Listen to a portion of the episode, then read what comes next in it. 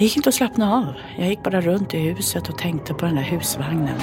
En person har hittats död i en utbränd husvagn på en campingplats strax söder om Södertälje där polisen slog till i morse. Vi fortsatte ju leta då. En av de unga kvinnor som misstänks ligga bakom attentatet på Arlanda greps i morse. Och sen tog det nästan hela dagen innan vi fick höra att de hade hittat... Ja. Att de hade hittat en kropp. Polisen har ännu inte identifierat den avlidna.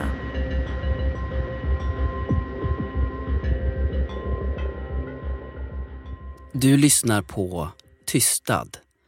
En dokumentärserie i åtta delar om Elise Björk och Arlanda-attentatet. Jag heter Milad Bondesson. Elise var min flickvän. Tidigt på morgonen söndagen den 5 maj 2019 börjar en husvagn brinna okontrollerat på en campingplats strax utanför Södertälje. Det går fort. På bara några minuter är husvagnen övertänd.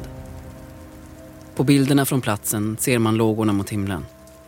Och vittnen pratar om att röken kändes på långt avstånd. Det är flera personer i närheten som ringer 112 för att larma om branden. Men trots att utryckningen går snabbt finns det inte mycket kvar av husvagnen när brandkåren kommer fram. Man kan se att det som brunnit en gång har varit en husvagn. Men det är knappt.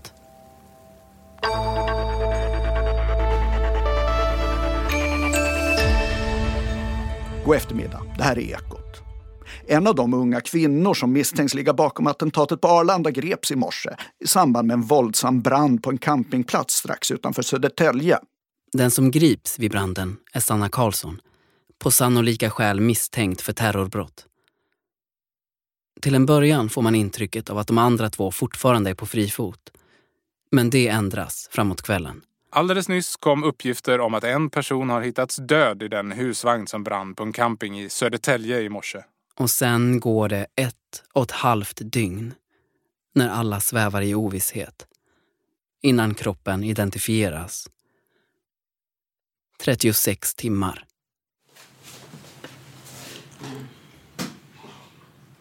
Jag är hemma hos Elis mamma, Karin.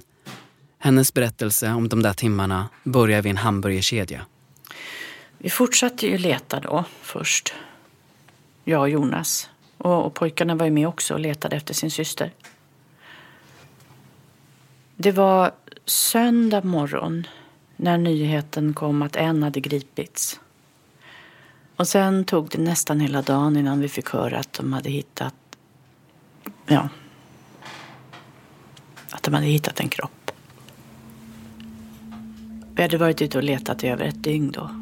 Inte sovit, knappt ätit. Och då vet jag att, ja, då vet jag att, eh, ja, då hade vi, ja, vi hade stannat vid Max och de andra var inne där för att hämta upp lite mat. Och då hörde jag det på radion. Ja, det var ju Max ja. Inte ett McDonalds och inte Burger King utan Max. Det var en sån där grej som Elise hade lärt oss. Att Max är de som har bäst klimattänk. Och om man nödvändigtvis ska äta på en snabbmatskedja så är det inget val mellan vilka ställen man ska åka till. Då är det Max som gäller. Så det hade vi lagt oss till med som vana. Ja, och det är ju gott också. Så det... Jag hade bett Jonas välja någon av de vegetariska burgarna åt mig och pommes frites. Ja, så de var där inne och jag satt kvar i bilen. Och så hörde jag den här nyheten på radion. Och mm, eh, jag vet inte hur jag ska beskriva det riktigt. Det var som ett, det var som ett slukhål som öppnades framför fötterna. Efter det klarade vi inte av att vara ute och leta längre. Vi åkte hem bara allihop. Och Jonas hittade påsarna med mat i bilen flera dagar senare. Efter en stor eldsvåda är både brandkår och polis på plats. Det är polisens tekniker som undersöker brandplatsen, bland annat för att säkerställa brandorsak. Det kan ta sin tid. Det är först när elden är helt släckt som teknikerna kan gå in och kolla ordentligt. Hittar de kvarlevor efter människor, då är det rättsmedicin som identifierar dem. Det tar också tid. Den natten sover Karin ingenting. Nej, jag... Jonas somnade ändå där framåt natten sen, minns jag. Men jag kunde inte. Det var som att min kropp var på högvarv. Det gick inte att slappna av. Jag gick bara runt i huset och tänkte på den där husvagnen, på Elise. Det är klart att jag hoppades. In i det sista hoppades jag ju. På måndagen där på morgonen, jag gick mellan köket och soffan i huset fram och tillbaka och fram och tillbaka. Det var det enda jag kunde. Jag kunde inte sitta still. Och sen, sen, sen grep de ju den tredje tjejen, Marilyn. Och då... Ytterligare en person har gripits misstänkt för terrorattentatet på Arlanda. Då, då visste jag ju på något sätt. Vadå? Spelar du in mig nu? Har du inte spelat in allt jag säger? Du vill typ bevara alla mina ord för framtida generationer. Alltså, Wilhelm, du... Kom hit! Stäng av det där nu! Kom! Då visste jag.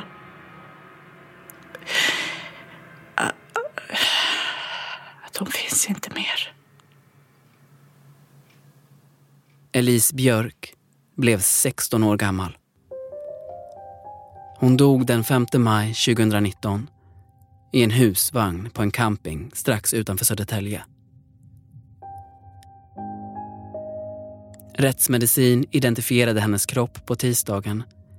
Då satt jag fortfarande inlåst på häktet och fick inte veta något om vad som skedde utanför. Elis mamma, Karin, var hemma. Ah, när vi precis hade fått beskedet. Ah, nej, nej, men det var, det var så svårt att greppa. Jag hade ju begripit redan innan de sa det, men men när poliserna kom hem till oss och bara sa det rakt ut. Alltså någonstans hade jag hoppats på att det skulle vara någon annan. Någon, någon ytterligare person som hade varit i den där husvagnen och som hade varit... Det, det var så svårt att ta in att det faktiskt var slut. Att det... Att vi aldrig kommer att få se henne igen aldrig prata med henne mer. Jag kommer aldrig mer att få krama min Elise.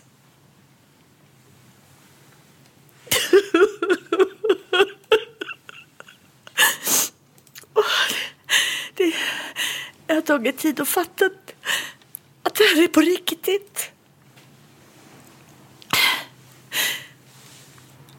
Det är okej. Okay.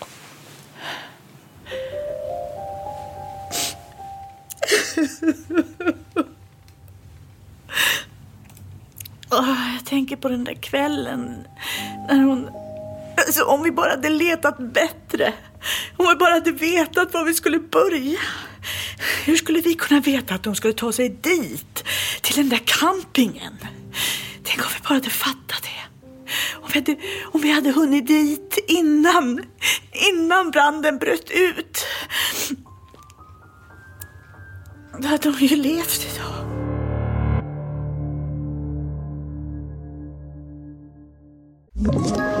Ett poddtips från Podplay. I podden Något Kaiko garanterar östgötarna Brutti och jag, Davva, dig en stor dos skratt.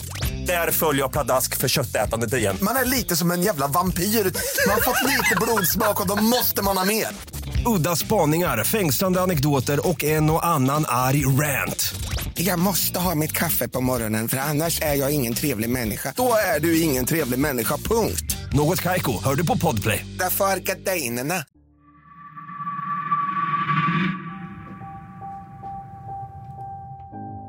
Branden i husvagnen avskrevs senare som en olyckshändelse. Brand utbröt av okänd anledning, står det i utredningen. Jag har tänkt mycket på den okända anledningen och på branden. Vad gjorde jag söndagen den 5 maj klockan halv sju när elden startade? Jag vet inte. Jag satt häktad, utan tillgång till klocka. Sov jag? Låg jag vaken och vred mig? Kände jag på mig att något höll på att ske? Jag vet inte. Jag minns inte. Jag vet inte vad jag gjorde när Elise dog.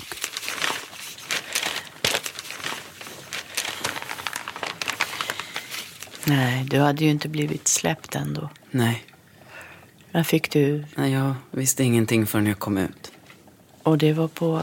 På torsdag. Ja, här. Vänta. Här. Här är den.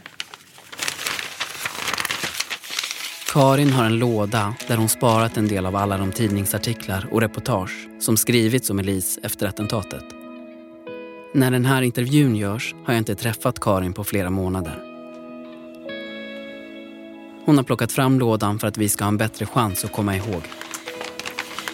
Det här är en av de allra första texterna som skrevs efter, ja, när det var klarlagt. Det var ju, det var ju då en del medier började publicera hela hennes namn och bild och sådär. Här är hennes, ser du? Mm. Hennes skolfoto från sexan tror jag. Ja, ja det är från sexan. Mm. Karin läser högt ur artikeln. Elise Björk var tidigt mycket duktig i skolan. Omtyckt av sina klasskompisar, uppskattad av lärarna, engagerad och driven.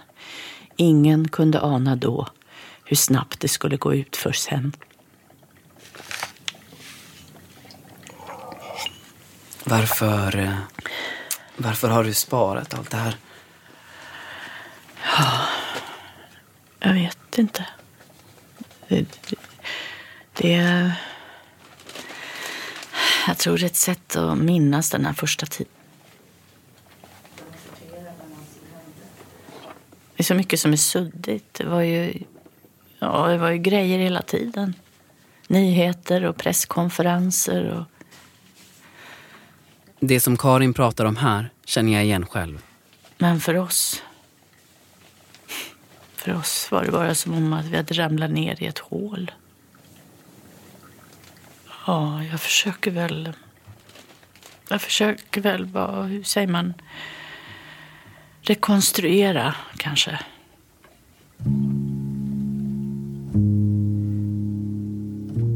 De första veckorna efter att Elise dog är som en dimma för mig också. Jag möttes av beskedet att min flickvän hade dött när jag satt utanför häktet och väntade på att bli hämtad. Jag läste nyheten i mobilen. Hade jag lyssnat av mina röstmeddelanden, eller om pappa hade hunnit dit först, då hade jag hört det från honom.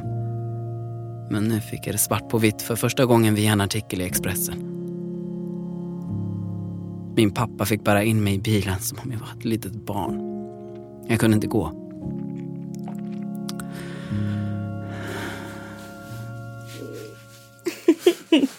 Tänk om jag blir typ känd. Mm. Då kan du ha allt det här ljudet som bevis på att du en gång kände mig. Vad kände? Vadå, ska du dumpa mig heller? Vem vet? Då kan du stå och vifta med dina inspelningar på något tag och bara Hon var ihop med mig! Hallå! Vi var ihop! Lyssna!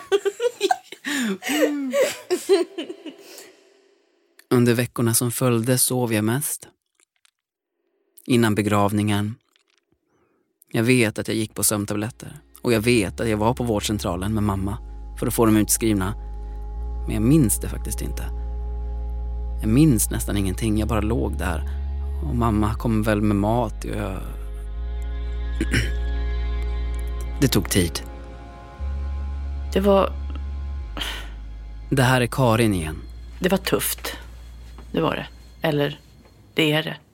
För henne har det här senaste året givetvis varit fruktansvärt. Ett helvete, Milad. Det har varit ett helvete. Det var jobbigt hur folk tittade på mig. Det var inte alla som kom fram eller så, men jag, men jag kände det som att Sigtuna är ju en liten stad. Alla, alla, alla visste ju. Karin Björk har varit sjukskriven sedan allt det här hände. Jag såg hur folk pekade. Där är hon, Elise Björks mamma. Det var... Det var tungt. Även med de som bara ville väl och var snälla och bara ville komma fram och prata lite. Och sen fanns det ju... Ja, det andra fanns ju också. Det andra som Karin pratar om här är hatet. Hatet och ilskan. Det var... Det var jättesvårt. Vi sörjde vår lilla flicka. Vi sörjde Elise.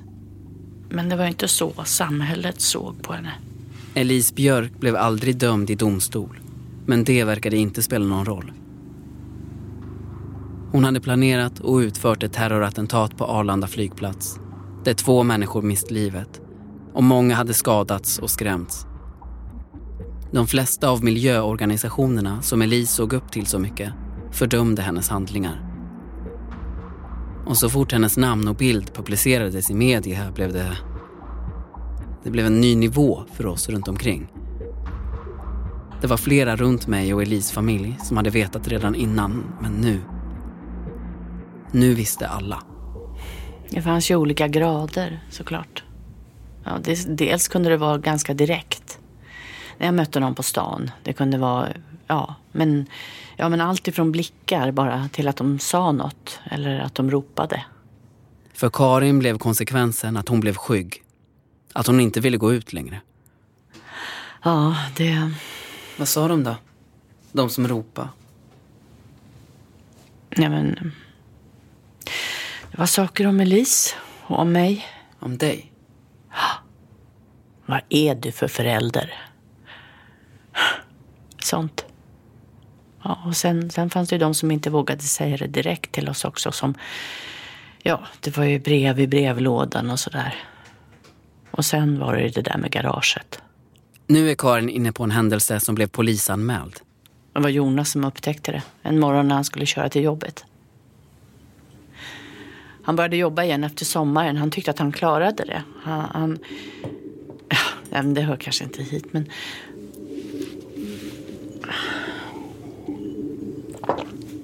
Ja, han skulle till jobbet då i alla fall. Och när han kom ut i garaget för att köra ut bilen så såg han ju. Då var det sprayfärg. Vit sprayfärg mot den bruna dörren, du vet. Det syns. Stora tjocka bokstäver. Det var jättesvårt att få bort det. Vi, vi, stod, ja, vi stod båda två ute på kvällen sen och försökte få bort det. Och ja, folk gick ju förbi och såg oss. Och där stod vi med det där rengöringsmedlet och försökte skrubba bort. Vill du... Vill du säga vad det var de hade skrivit? Nej. Nej. Jag vill inte tänka mer på det där. Det... Men min poäng är att Ja, i alla fall att det inte hjälpte. Det blev nästan löjligt symboliskt. Vi stod där och försökte skrubba bort den där. Ja, men, alltså det var ju som en stämpel vi hade fått på oss, hela familjen. Det gick ju inte. Den, den är kvar. Den, den kommer alltid att vara kvar. Ja, inte på garagedörren då, den blev ju ren. Men... Eh, ja, i alla fall. Det var därför vi flyttade sen. Så var det. Ja, ni sålde huset? Ja, vi bor inte kvar. Så är det.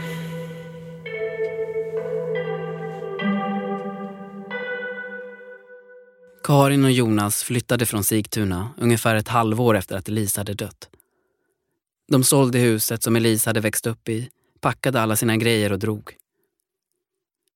De vill inte att jag säger var de bor nu, de vill få vara i fred. Jag fattar att folk hatar Elise.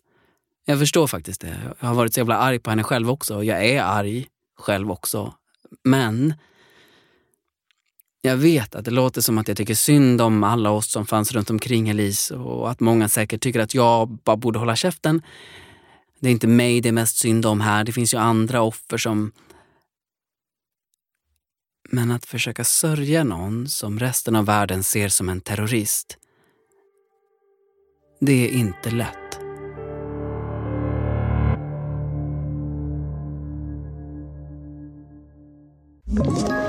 Ett poddtips från Podplay.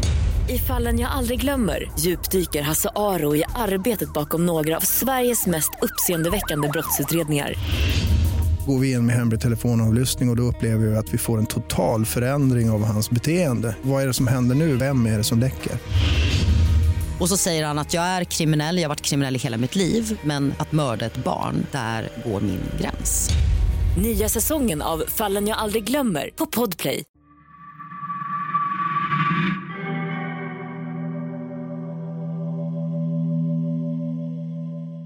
Det här är en Flashback-tråd om mig som startades efter att Elise hade dött och jag hade släppts ur häktet. Jag läser högt. Hennes pojkvän är släppt från häktet nu och har friats från misstankarna om att han var inblandad. Tror ni på det? Nej. Allt pekar på att han visste. Han borde fan få livstid. Det är helt sinnessjukt att man kan vara inblandad i en sån här grej och sen ändå släppas. Men man borde kanske inte bli förvånad. Sveriges rättsväsende är fan helt vridet. Att sitta i fängelse är som att bo på hotell nu för tiden. Fast är han friad så är han väl friad. Men han lär ju oavsett få sitt straff, typ. Lycka till att ha ett normalt liv efter det här. Vilken skola går han på? Någon som vet? Jag fick också ta emot hot. Samtal från okända nummer som, och sjuka grejer som kom på posten. Det var aldrig på samma nivå som för Karin och Jonas, men eh, ni kanske kan tänka er hur det är att gå på gymnasiet i en ganska liten stad och ha varit ihop med har varit ihop med Elise.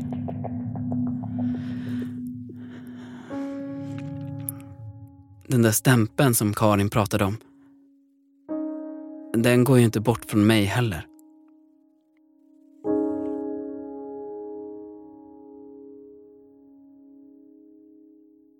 Tänk att du är ihop med mig. Vadå? Är det så konstigt? Nej men... Ändå. Jag är bara en liten sjua. liksom, så liten! Så liten! Jag syns knappt. Och du, du är värsta... ja, vad är jag? Vad är det då? Säg det. Jag är så nyfiken på vad du ska säga nu. Så spänd. Att jag är, jag är asstor, asstark. Och... Alltså, jag tänkte säga gamla gubben. Fan!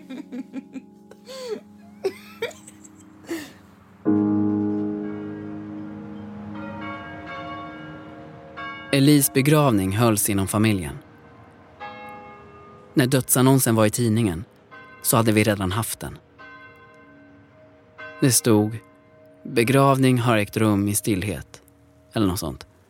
För att eh, Karin och Jonas var rädda för att vi skulle bli störda. Att det skulle komma folk med olämpliga avsikter. Vi var i ett litet kapell. Det regnade. Jag hade glömt paraply, nästan alla hade det. Jag höll armen som skydd ovanför ansiktet när vi stod vid graven efteråt och tänkte... Nu kommer det vatten på kistan. Kan inte någon göra så att det inte kommer vatten på kistan? Så dumt. Jag minns inte så mycket från själva ceremonin. Det hade gått tre veckor sedan branden och allt var fortfarande som en jävla dimma. Men eh, jag kommer ihåg Karin och Jonas och Elis bröder vid graven. Jonas höll om Karins axlar som om han ville hålla ihop henne.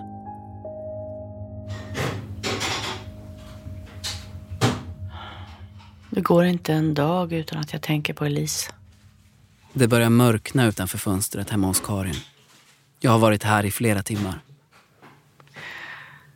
Jag fantiserar om hur det skulle ha kunnat bli om allt det här...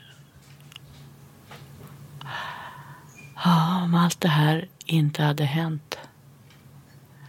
Om hon hade blivit frisk då, när hon mådde så dåligt. Om det hade vänt istället. Jag tänker på vem hon hade varit. Vad hon hade gjort.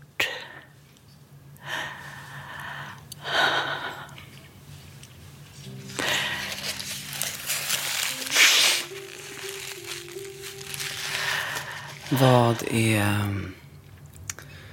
Vad är värst, tycker du? Det... Hur ska jag kunna svara på det? Det finns ju ingenting med det här som är... Men eh, det, det är nog skuldkänslorna. Allt som blev fel. Allt vi borde ha gjort annorlunda. Om jag bara hade... Om, om det hade gått att göra om det här. Och så saknaden, naturligtvis. Jag har ett hål i bröstkorgen. Så känns det. Ett tomt, mörkt hål som slitits upp där. Hon hade gått på gymnasiet i så fall. Hon, hon, ville, hon, ville, hon ville verkligen gå på gymnasiet. Ja. Hon längtade efter det. Ja, hon längtade. Det gjorde hon. Innan allt blev som värst så längtade hon.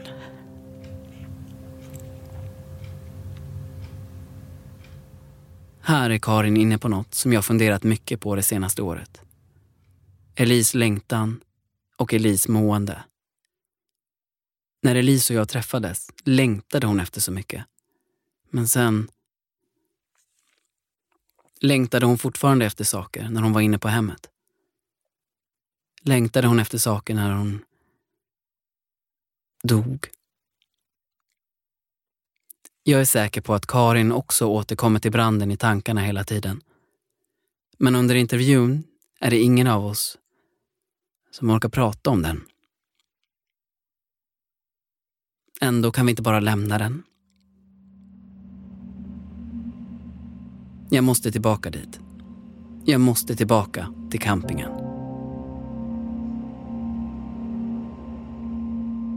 Nu blir det sakligt, för det är det enda som går. Strax efter klockan sex på morgonen den 5 maj börjar en husvagn brinna strax utanför Södertälje. Där inne befinner sig två personer. Den ena är Sanna Karlsson. Den andra är Elise Björk. Sanna är tidigare dömd för mordbrand. Elise har för bara några månader sedan blivit omhändertagen enligt LVU och inlåst för att hon klassats som utåtagerande och självmordsbenägen. När det första samtalet når larmcentralen är husvagnen redan övertänd. Sanna lyckas ta sig ut. Elise gör det inte. Den kriminaltekniska undersökningen avskriver branden som en olycka.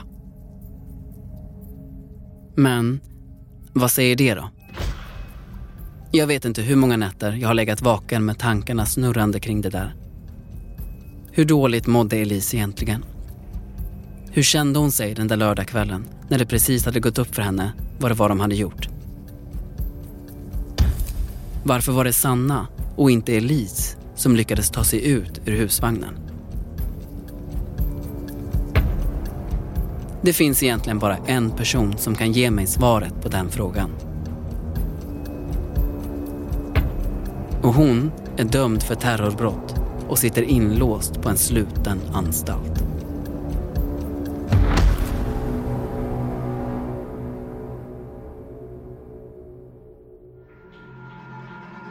Men ärligt, alltså det var på kul! Men det var inte på, all, alltså det var inte på allvar i alla fall.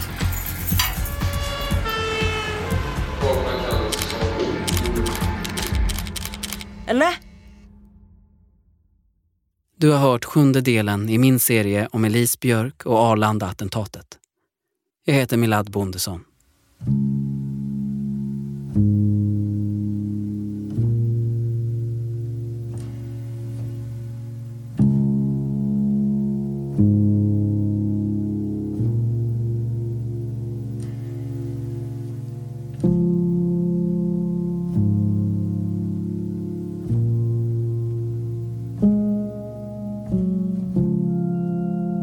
Död är en serie från tiden. Manus Åsa Anderberg Strollo och Lisa Bjärbo. Regi Åsa Anderberg Strollo, Lisa Bjärbo och Klara Gustafsson. I rollen som Milad hörde du Kristoffer Lehmann, Elise, Mira Mitchell, Karin, Cecilia Nilsson, Sanna, Siam Shurafa och Bosse, Thomas Nordström. I övriga roller Ella Schattner, Viktor Åkerblom, Andreas Kundler, Tove Edfelt, My Holmsten, Erika Bjuling, Gustav Edman, Lars Truedsson, Josefin Karlsson, Henrik Berg, Erik Thorsson, Eva-Lisa Wallin, Åsa Anderberg Strollo, Sara Dobare, Olle Lidbom, Lisa Lindberg, Jenny Edjansen och Hugo Kalm. Tystad inspelad hos Storytel Production 2020. Klippning, ljuddesign och slutmix Tommy Jönsson. Ett poddtips från Podplay. I podden Något Kaiko garanterar östgötarna Brutti och jag, Davva, dig en stor dos skratt. Där följer jag pladask för köttätandet igen. Man är lite som en jävla vampyr. Man har fått lite blodsmak och då måste man ha mer. Udda spaningar, fängslande anekdoter och en och annan arg rant. Jag måste ha mitt kaffe på morgonen för annars är jag ingen trevlig människa. Då är du ingen trevlig människa, punkt. Något Kaiko, hör du på Podplay. Därför är gardinerna.